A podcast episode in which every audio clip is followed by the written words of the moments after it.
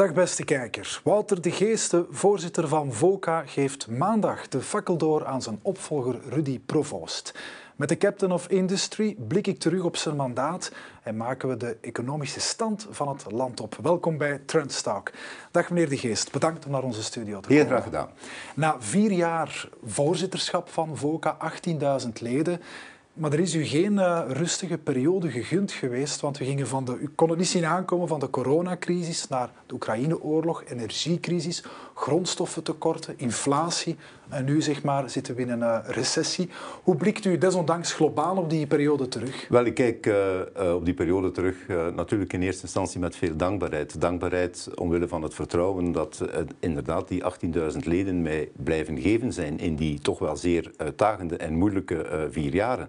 De vier jaren die begonnen zijn eerst met een politieke crisis. Ik heb twee moeilijke regeringsvormingen. zeer moeilijke regeringsvormingen meegemaakt, zowel op het Vlaamse niveau, maar dan het op het federale niveau, wat een zeer moeilijke regeringsvorming was met de totstandkoming van Vivaldi. En eigenlijk was dat nog maar goed tot stand gekomen of dan kwam corona. En corona kwam in een hevigheid die niemand had zien aankomen en waar we ook totaal niet op voorbereid waren. Totaal niet op voorbereid waren. En dat was wel een slag. Niemand van ons had eigenlijk ooit rekening gehouden dat dit mogelijk was.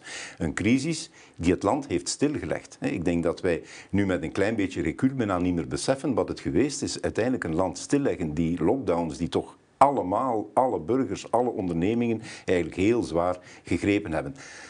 We hebben dan die crisis beheerst. Dan kwam dan de coronacrisis. Ja, samen mee dan kwam de, eigenlijk de supply chain crisis. Kwam. Ja. Kwamen heel veel supply chain problemen. Ondernemingen die aan hun goederen niet meer geraakten. Burgers die aan hun goederen niet meer geraakten.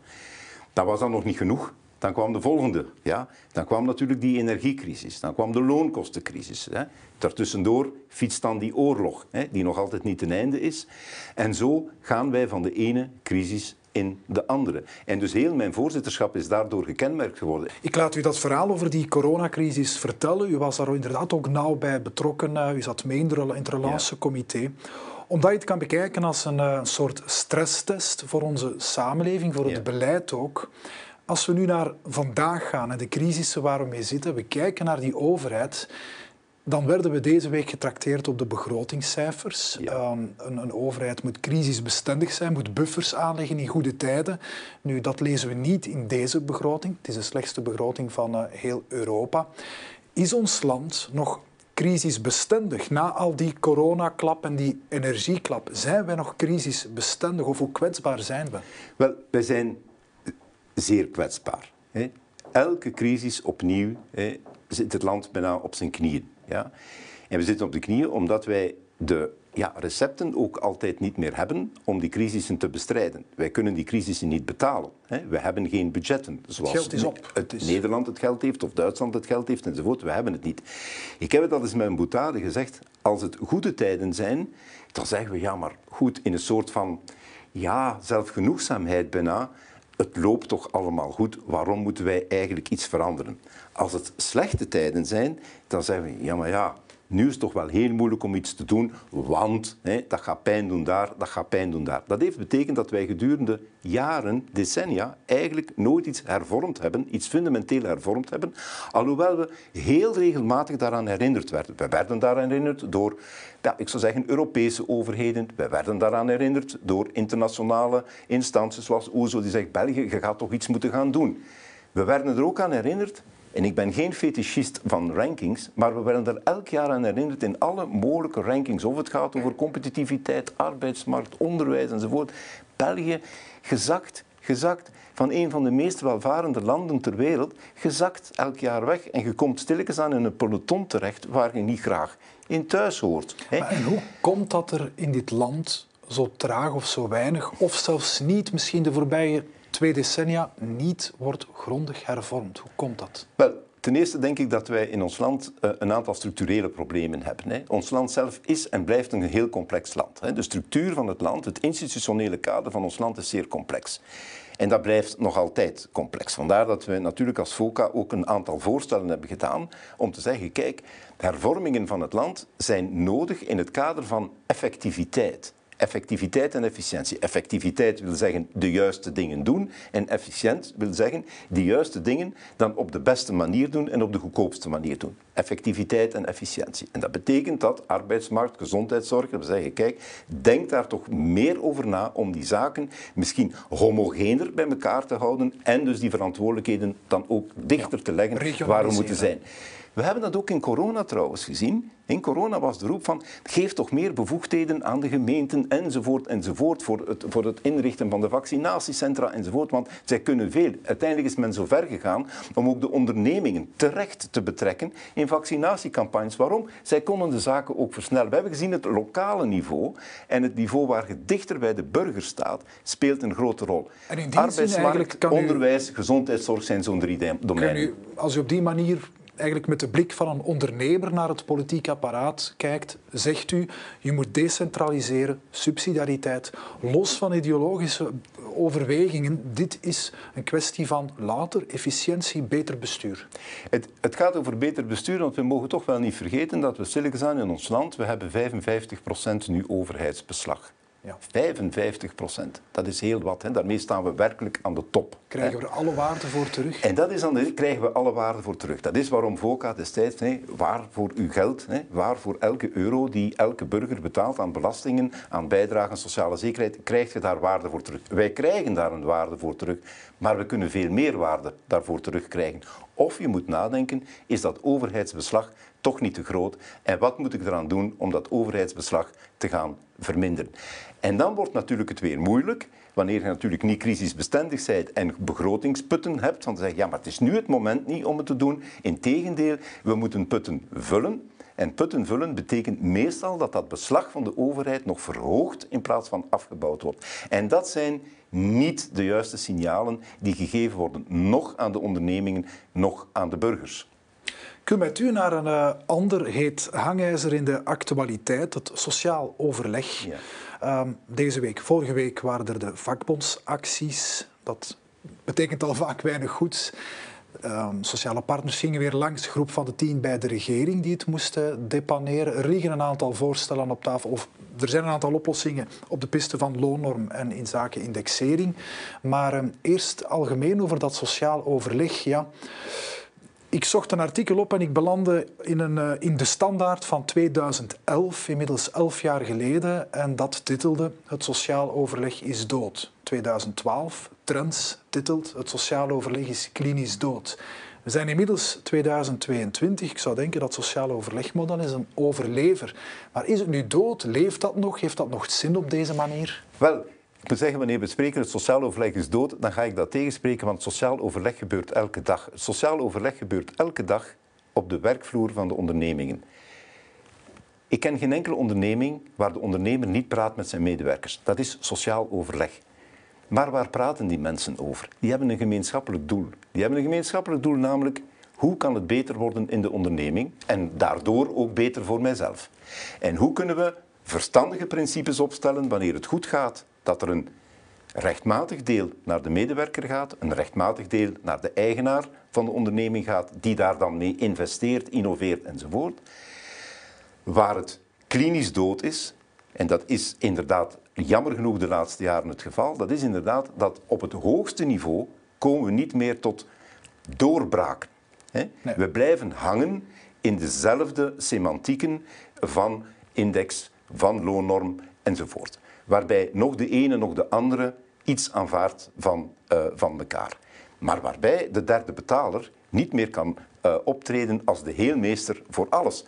Vroeger was het misschien iets eenvoudiger. Dan zei men, ah, we hebben een probleem. En het werd opgelost. En de regering tastte, en de regering tastte bij. Natuurlijk, dat waren allemaal pleisters op een houten been. En ik zou zeggen, ja, ja, slechte heelmeester, stinkende wonden. U kent die, u kent die uitspraak. Wel, dat hebben we natuurlijk gedurende jaren gedaan. En ik hoop nu echt wel dat de regering, deze regering, die voor die verpletterende verantwoordelijkheid staat, geen keuzes gaat maken die uiteindelijk een gemakkelijke compromis zou zijn. We zeggen, ja, maar we gaan daar toch maar weer iets gaan doen. Ja, want ten eerste, hoe gaat dat gefinancierd worden?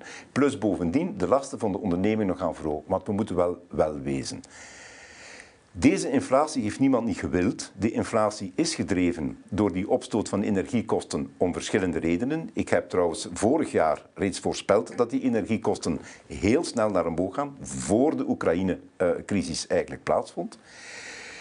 Maar dan zeggen we, oké, die inflatie is zo hoog en we gaan nu naar, ja goed, in een periode van vandaag tot 2024, naar meer dan 20% loonkostenstijging. Dat betekent voor de Vlaamse ondernemingen 34 miljard, 34 miljard meer aan loonkosten. Je moet dat absorberen, maar je kan dat op een bepaald ogenblik niet meer absorberen wanneer ook nog die hoge energiekosten daar zijn. En je kan het ook niet zomaar gaan doorrekenen aan klanten, wetende dat wij een open economie zijn die moet exporteren en in concurrentie staat met andere landen. Wij bouwen terug een loonkostenhandicap op van 5, 6 procent. We hebben er tien jaar over gedaan om die loonkostenhandicap weg te werken. Wat mooi was door de vorige regeringen. En nu gooien we dat allemaal in één keer weer weg. En als wij niet bereid zijn ja, uit die catch-22 te komen, die er nu op dit ogenblik is, namelijk het behoud van de automatische index zonder daar ooit iets aan te veranderen. En tegelijkertijd zeggen, ja maar die loonnormwet die moet ook opengebroken worden. Ja, dan komen we daar nooit uit. Want dat gaat dan een hele dure rekening worden voor de ondernemingen. En als het voor de onderneming een dure rekening wordt, dan wordt het een nog duurdere rekening voor de burger die zijn werk verliest. En dus ook een duurdere rekening voor de onderneming, voor de, voor de overheid, die dan inderdaad uitkeringen zal moeten betalen die men had kunnen besparen indien men de concurrentiekracht van ondernemingen zou in stand houden.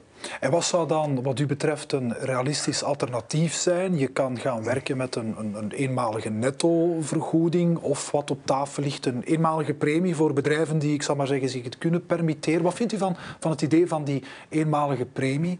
Want met de coronapremie is dat wel wat misgelopen. Hè? Wel, met, de, met de coronapremie is misgelopen. Waarom weer? Omdat uh, je gaat top-down iets gaan zeggen dat dan voor iedereen geldt. Niet iedereen kon dat hè, uh, uh, betalen. Binnen de sectoren. En... Binnen de sectoren. Maar ook binnen de sectoren moet er voldoende flexibiliteit zijn, omdat binnen die sectoren, die sectoren zijn ook zeer breed, elke onderneming is op zich een economische entiteit met een eigen dynamiek, met eigen um, cycli van conjunctuur, van investeringen enzovoort. Er is altijd voor gepleit dat wij moeten streven naar uiteindelijk de koopkracht moet beschermd worden door het feit dat er een, een aanpassing gebeurt aan de, het feit dat het leven duurder wordt, zeg maar de inflatie. Alleen bij ons is dat automatisch geregeld. In alle andere landen van de wereld wordt daarover gediscuteerd, wordt erover gesproken. Ik heb het meegemaakt dat men in Duitsland in bepaalde periodes zelfs niet de inflatie gegeven heeft in loonding omwille van de concurrentiekracht van de ondernemingen. Hier is dat automatisch. Waar ook vakbonden zeggen van we gaan dat niet doen om het bedrijf te beschermen, want... Ja, omdat daar ook een ander model is. Dat is het zogenaamde model van de mietbestimming, zoals men dat in het Duits noemt. Ik wil niet zeggen dat wij dat model copy-paste moeten doen, wij moeten, maar wij moeten wel leren daaruit. En wat moeten wij daaruit leren? Hoe belangrijk het is van een gemeenschappelijk belang te hebben. En dat gebeurt op de werkvloer in de ondernemingen. Vandaar dat wij zullen blijven pleiten, ook als VOCA, het juiste niveau brengt het niveau van de onderhandelingen zo laag als mogelijk. Bij grote ondernemingen gebeurt het in de grote ondernemingen zelf. Bij kleinere ondernemingen misschien in een sector of in een cluster, want dat is ook allemaal zeer geografisch gebonden.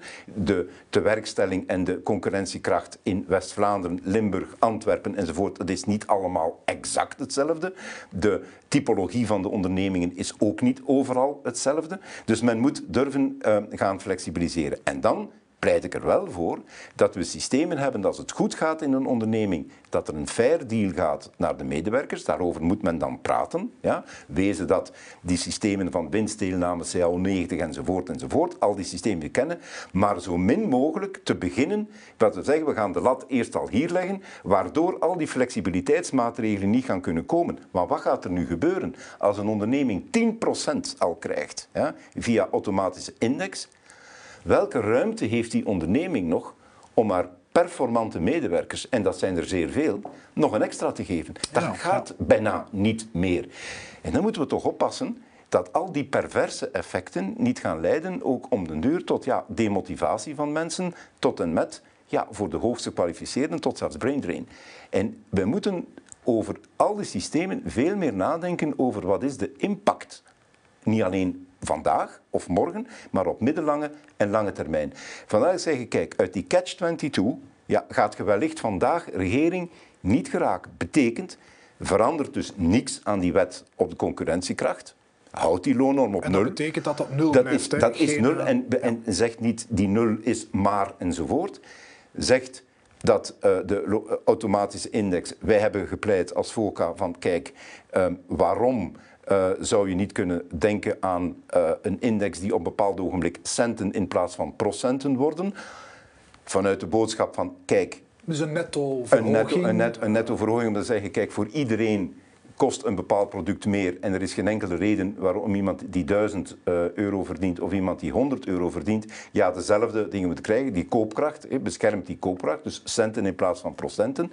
We hebben gisteren uh, kennis gemaakt met het, met het voorstel uh, dat AXA op tafel gelegd heeft AXA, om een BNP Paribas, die hebben systemen waar je boven een barema, 5400 euro in dit geval, niet meer geïndexeerd wordt. Je ziet, bedrijven zijn dan creatief genoeg om een officieuze oplossing te vinden. Hè, maar dat bevestigt precies wat ik zeg, sociaal overleg bestaat. En sociaal overleg gebeurt dan daar. Als AXA en die, die, die ondernemen zeggen, kijk, wij gaan dat, gaan dat doen, is dat niet iets wat alleen een directie beslist. Hè? Dat wordt ook besproken met medewerkers. We zeggen, kijk, we gaan dat doen omdat het van belang is voor de concurrentiekracht van onze onderneming. En dus ik zou zeggen, onderneming, uh, overheid, past nu alstublieft op, want ik kan ook alleen maar zeggen, de nervositeit bij het ondernemingsleven op dit ogenblik en de schrik bij het ondernemingsleven is zeer hoog.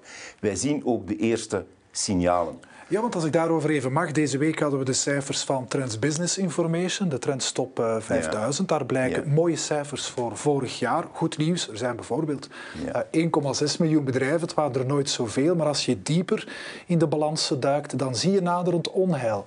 Misschien een klein dingetje, maar heel belangrijk. Steeds meer facturen worden later betaald in de handelscyclus. Dat is een heel veeg teken. Dan maar als voorbeeld, dat is wat, wat wij met trends opvangen.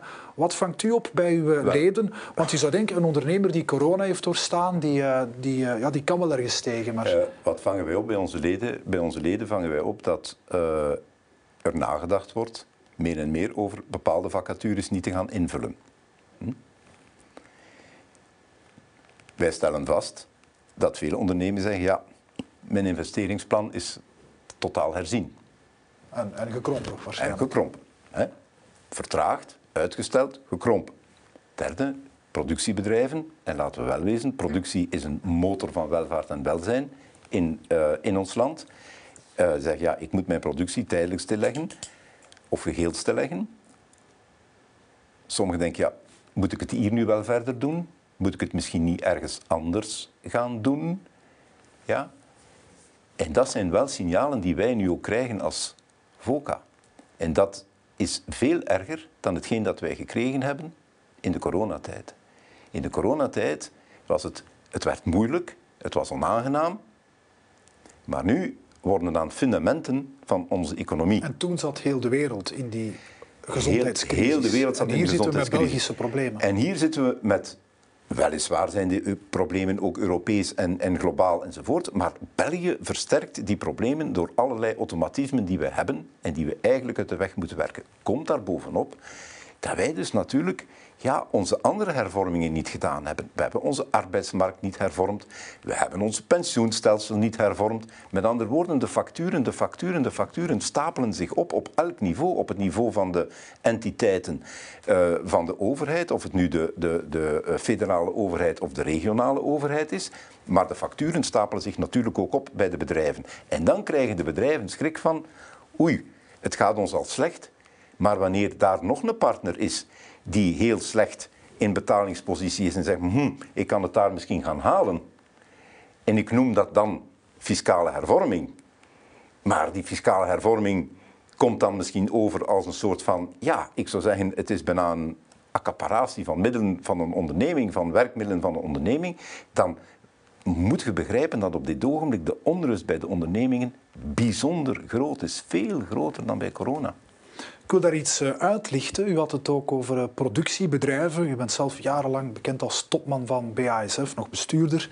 Um, wat je merkt is dat um, ja, het gaat een stukje over hoe het publiek kijkt naar die sector. Hè. Beseft men voldoende hoe belangrijk die ja. uh, productie, BASF, de grootste chemische productiesite ja. van ons land, de tweede grootste van BASF, mm -hmm. dat is een motor van werkgelegenheid ja. en welvaart Eén, uh, wordt dat genoeg beseft? En twee, ja, je hebt in de samenleving wel actiegroepen, burgers politici die dat soort maakindustrie, een chemische industrie, liever zien verdwijnen uit de regio. We worden dan een diensteneconomie. Goed, hoe, hoe kijkt u naar dat debat? Wat vindt u daarvan? Wel, uw vraag is, uw vraag is zeer terecht en die vraag die is zo belangrijk omdat we hier opnieuw te maken hebben met een fundamentele vraag. Wat willen we nu uiteindelijk? Hè? Willen we welvaart en welzijn en erkennen we dat een motor van die welvaart en welzijn de ondernemingen zijn, maar in die ondernemingsgroep dat industrie daar een zeer belangrijke rol in speelt. Industrie, mogen we niet vergeten, industrie maakt iets. Hè? Het woord maakindustrie is juist. We maken producten. Ja, producten, producten die mensen nodig hebben. Uh, producten die mensen comfort geven in hun leven. Die mensen, maken dat mensen gezond zijn. En dat soort zaken meer. we zeggen, ja, dat willen we toch niet overboord gaan gooien? Of gaan we dat allemaal gaan importeren? Maar we weten ook niet goed onder welke voorwaarden dat we dat gaan importeren enzovoort. Hè. Weten we dan ook de problemen van geopolitiek, zoals een supply chain probleem. Met andere woorden, een maakindustrie is absoluut de motor. De maakindustrie is 50% van onderzoek en ontwikkeling. Indien België nog een beetje een positieve handelsbalans heeft, is dat niet door de diensteneconomie, maar is dat door de industriële activiteiten. Het zijn de dingen die we maken die we ook exporteren. Onze diensteneconomie is nog niet zo internationaal geworden dat wij de diensten aan het exporteren zijn. Integendeel, wij importeren die nog meer en meer. IT-diensten en al dat soort zaken meer. Terwijl we eigenlijk zeggen, ja, in de industrie worden zaken gedaan waardoor ook de handelsbalans. En een handelsbalans die positief is, is goed, want een handelsbalans die negatief is, betekent collectieve verarming, want je moet allemaal geld uitgeven voor iets te kopen. Als je iets verkoopt, krijg je geld binnen. Zo simpel, zo simpel is dat uiteindelijk. Ja? En dat zijn een aantal dingen die ons natuurlijk als industrie al lang bezighouden en waar uw eerste vraag zeer terecht was. Hebben wij, spreken wij voldoende het hart van de mensen aan? Want als we hier achter ons kijken, Antwerpse haven, de chemische cluster, je kan zeggen van kijk, fantastisch, dat is waarmee wij ons in de wereld op de kaart zetten. Er zijn een pak mensen die zeggen van, ach, dat zien we toch liever niet. En daar gaat het een stuk over. En daar gaat het inderdaad verovert over. FOCA, verovert onze, veroverde onze bedrijven voldoende de harten van de mensen? Wel, ehm, ik moet samen met u vaststellen, eigenlijk niet. Wij veroveren te weinig de harten van de mensen. Wij kunnen als ondernemingen heel veel doen en ondernemingen doen dat. Hè. Uh, ze stellen zich open, ze, ze, nodigen mensen uit, ze nodigen de scholen uit, ze nodigen van zeg, kom kijken wat we doen. Zie eens dat wij hier eigenlijk toekomst voorbereiden, dat hier schitterende verhalen worden geschreven voor de toekomst, dat wij inderdaad wel sexy zijn, om dat woord nu eens te gebruiken. Ja, want wij zijn bezig met klimaatverandering, wij zijn bezig met nieuwe producten, wij leggen de basis van wat waarschijnlijk een circulaire economie kan worden enzovoort. We moeten dat dus nog meer en nog meer en nog meer uh, naar buiten brengen. Maar je hebt ook een partner nodig. Je hebt een partner nodig en dat is namelijk altijd zo. Je hebt ook de overheid nodig die wil zeggen, wij willen ook een industrieel beleid voeren, een echt industrieel beleid voeren. En zeggen, voor ons is dat belangrijk. En wij gaan niet, ja, ik zou zeggen, een beetje gaan staan als het ons past aan de kant. We zeggen, ja, we hebben dat allemaal niet meer nodig enzovoort de, de oppositie of de, de, de schijnbare tegenstelling die gecreëerd is tussen industrie en diensten, is iets wat ik in Antwerpen meegemaakt heb in de periode waar dat er schijnbaar tegenstelling was tussen industrie en logistiek. Industrie heeft logistiek nodig, logistiek heeft industrie nodig. En industrie heeft diensten nodig. Eh, zonder diensten ja, zal het ook niet gaan in de industrie enzovoort. En je moet dat ecosysteem bewaken en voornamelijk verder gaan ontwikkelen. En dat was natuurlijk een van de redenen, een van de redenen waarom uh, tijdens mijn voorzitterschap, en daar ben ik bijzonder fier op, dat wij niet alleen crisismanagement gedaan hebben bij VOCA, maar dat je, kijk, er schort toch iets fundamenteel. Wij hebben geen kompas, we hebben geen perspectief meer te bieden aan mensen. Ja.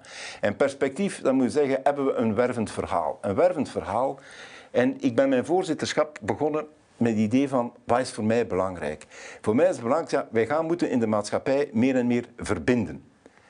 En aan de tweede kant, wij moeten ook zien dat we excellent zijn. We zijn een klein land, wij kunnen niet in alles goed zijn, maar in bepaalde domeinen moeten we proberen excellent te zijn. Als ik daar verder over nagedacht heb, over verbinden en excellentie, was het eigenlijk logisch dat dat samengekomen is in het plan Samen Groeien. Groeien heeft te maken met excellentie.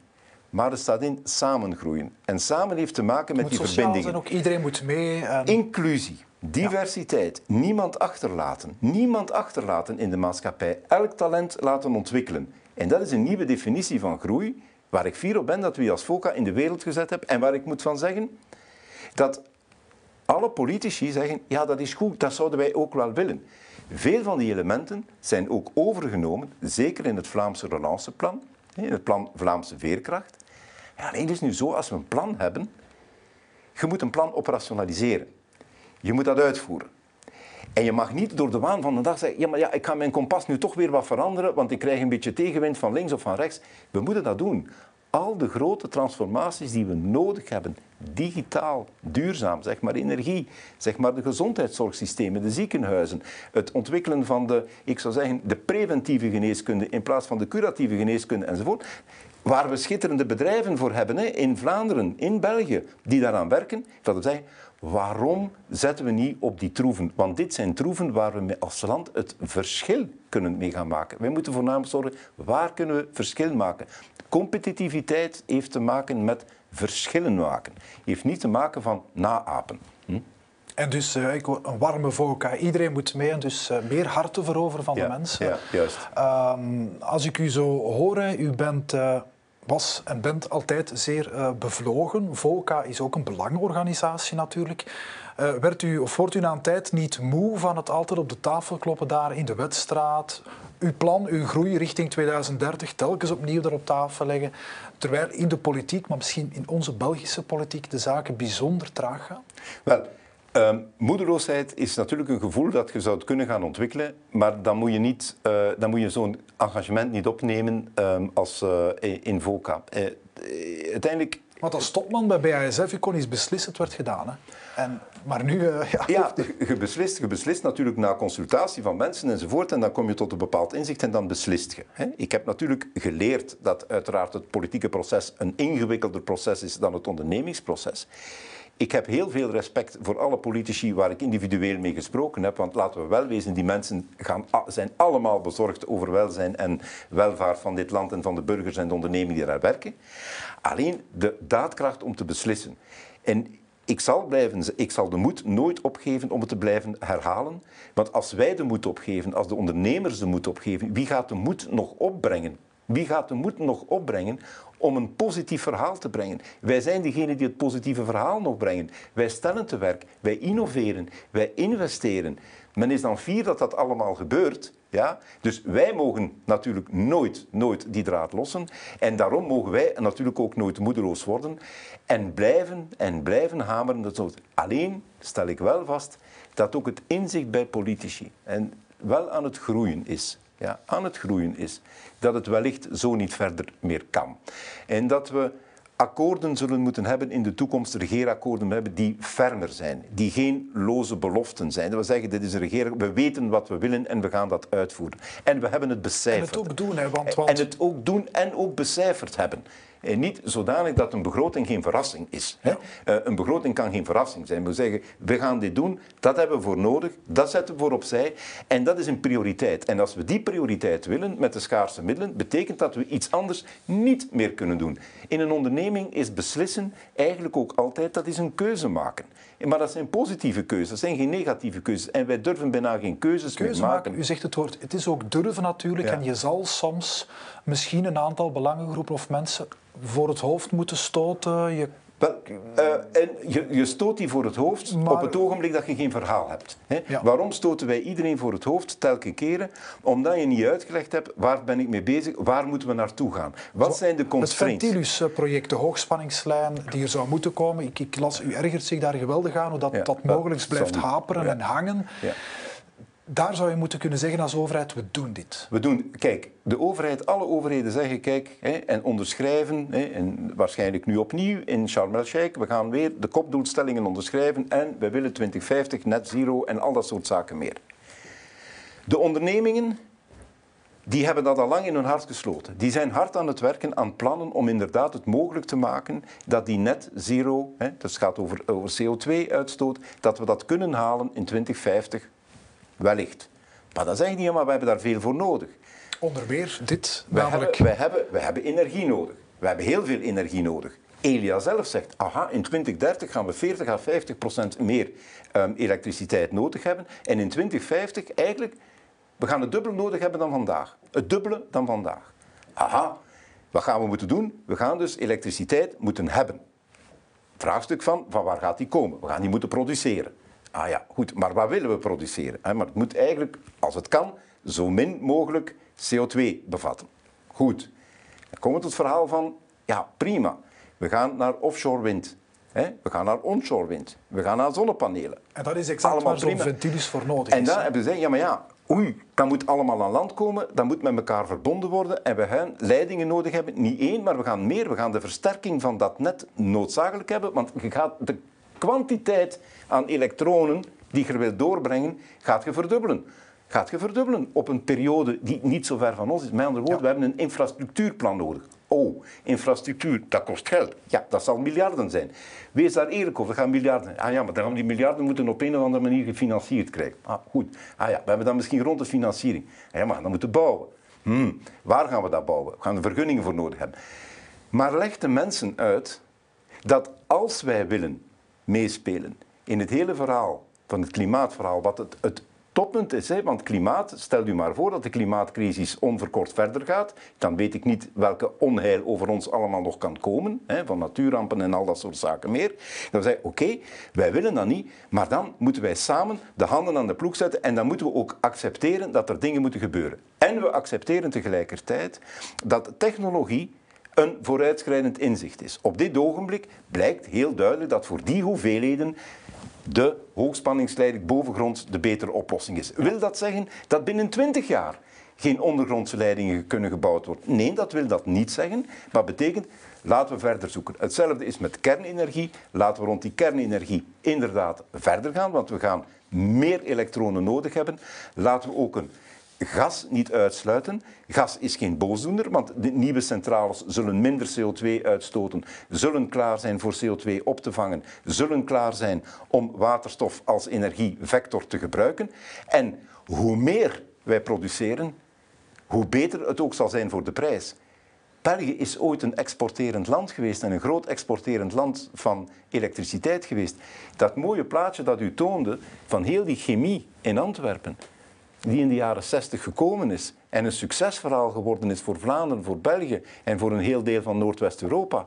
Weet u, dat is gebaseerd op het feit dat er elektriciteit en energie in overvloed was de kerncentrales die toen gebouwd zijn. Wel, die, dat was geen thema en ook goedkope prijzen. En dat heeft dus enorm veel investeringen aangetrokken. Heeft daar een mondiale uh, industriële cluster waar iedereen van profiteert. Iedereen van profiteert. Energie dus als basis van onze industriële cluster. En energie hoe meer, hoe meer energie, hoe beter. Energie. Alle, alle, alle. Het is een verhaal van en en en niet van of of. Ja. Anders gaan we niet komen. Uh, meneer De Geest, uh, Prins Charles, die, uh, ik ben naar The Crown aan het kijken. Prins Charles die werd koning op zijn 73, 73ste dit jaar. Donald Trump deze week die kandideert voor het presidentschap is 75 en Joe Biden verjaart deze week, wordt 80. U bent een, een jonge man met uw 68. Wat zijn al uw plannen nog na dit voorzitterschap? U bent bestuurder bij vele bedrijven nog, maar hoe zien uw komende weken, maanden eruit? Wel, mijn, mijn komende weken en maanden, uh, uiteindelijk, uh, ik zal altijd blijven doen um, wat ik eigenlijk aan mezelf beloofd heb en, en, en, en wat heel diep in mij ligt. Ik ga proberen altijd mijn best te blijven doen. En dat is misschien een zeer eenvoudig uitdruk, maar mijn best doen. En mijn best doen betekent dat ik eigenlijk, ik heb zeer veel gekregen in mijn leven. Ik heb heel veel gekregen van thuis uit, opleiding, opvoeding enzovoort. Ik heb heel veel gekregen van de onderneming waar ik gewerkt heb enzovoort, die mij heel veel kansen heeft geboden. Ik heb kansen gekregen voor ik krijg kansen in andere ondernemingen via bestuursmandaten. Het, het, het minimum dat ik kan doen is tenminste, is tenminste dat verder te zetten en mij ten dienste te blijven stellen van wat we dan kunnen noemen het gemene best. En dat zal ik blijven doen zolang de gezondheid mij dat ook toelaat. En dat is ook iets waar je kunt aan werken. En dat zal ik natuurlijk in de volgende weken en maanden ook blijven doen. Goed blijven werken aan mijn persoonlijke fitheid. En wat dat betreft, You Never Walk Alone, want ik las dat dat uw lievelingslied was. Uh, you Never Walk Alone, waarom? Omdat ik dat zo voel. Niemand doet iets alleen. En de kracht van verbinding is heel groot, maar de kracht van verbinding wordt nog groter wanneer je een gemeenschappelijk doel hebt. Wel zeggen, en daarom verbinden wij ons met elkaar en daar gaan we naartoe. En dat is precies wat mij zodanig bezighoudt in heel mijn leven om iets te bereiken. Iets te bereiken in alle nederigheid en alle bescheidenheid, dat je dat niet alleen kunt doen en dat je heel veel mensen rondom u nodig hebt te doen. Vandaar dat mijn uittreden uit het voorzitterschap van VOCA eigenlijk ook voornamelijk een dankbetuiging is aan alle ondernemingen die mij daarin geholpen hebben en aan de hele ploeg van medewerkers van VOCA. En aan zoveel andere mensen. Ja. Geen betere manier om dit uh, gesprek af te ronden. Wouter de Geest, zeer bedankt voor uw komst naar onze studio. Dank u wel, graag gedaan. En u ook, beste kijker, fijn dat u bij ons was. Volgende week gaan we naar de boeiende wereld van de luchtvaart. Collega Jozef van Gelder heeft Arnoud Fais te gast, de CEO van Brussels Airport. Dat is iets om naar uit te kijken. Heel graag, tot dan.